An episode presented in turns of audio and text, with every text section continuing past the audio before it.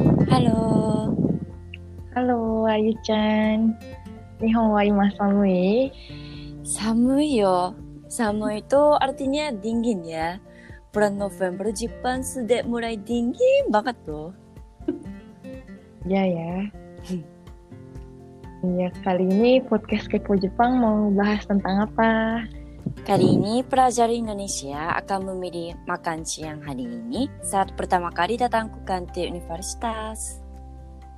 Oke, pemeran pelajar Indonesia aku dan pemeran pelajar Jepang Ayu Chan ya. Kita mulai yuk. Yuk. メニューがたくさんあって迷いますね。そうだね。カレーかな麺もいいな。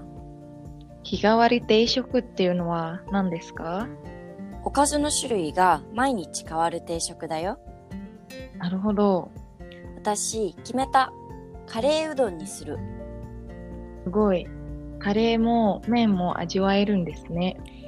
へへへ、欲張りでしょリスマちゃんは私は丼にします。親子丼というのは何ですか鶏肉と卵の丼だよ。もしかして、鶏が親で、卵が子ですか正解。面白い名前ですね。じゃあ、親子丼にします。Selanjutnya kosakata yang sebaiknya diingat adalah 迷う。あたを迷います。 bingung, おかず、 tahu, 味わえる。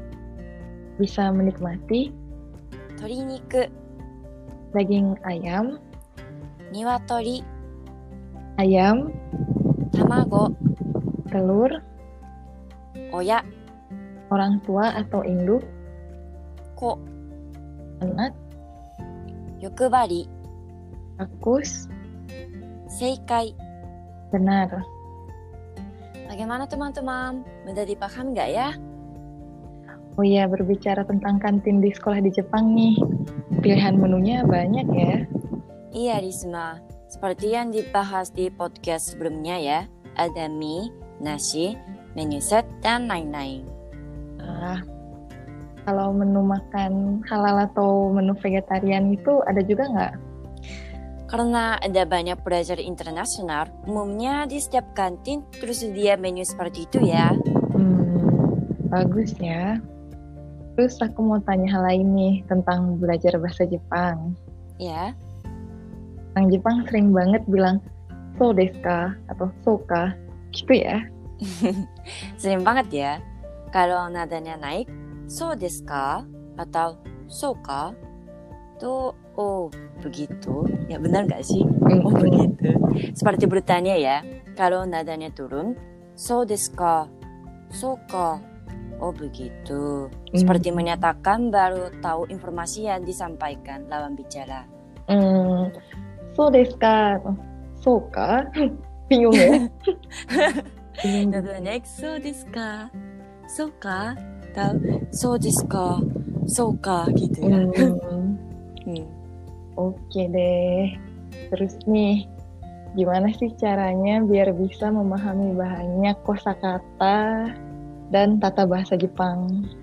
Hmm, mungkin bisa sering-sering lihat web Kepo Jepang ya. Soalnya di sana ada banyak penjelasan dan contoh kalimat juga. Hmm. Terus nih, aku mau tanya lagi. Ayu Chan kan lancar banget bahasa Indonesianya. Kamu Biasa. belajarnya kayak gimana sih? Gimana ya? Aku kan mulai belajar bahasa Indonesia dari masuk kuliah ya. Nanti di live IG selanjutnya aku mau cerita tips belajar bahasa Jepang termasuk cara aku belajar bahasa Indonesia ya. Hmm, Berarti harus nonton live IG Ayu Chan ya. Iya dong. Oke deh, podcast kali ini sampai di sini dulu ya. Oke. Jangan lupa untuk ikuti terus informasi dari Kepo Jepang ya. Arigatou gozaimasu. Sampai jumpa. ありがとうございます。 Bye bye. バイバイ。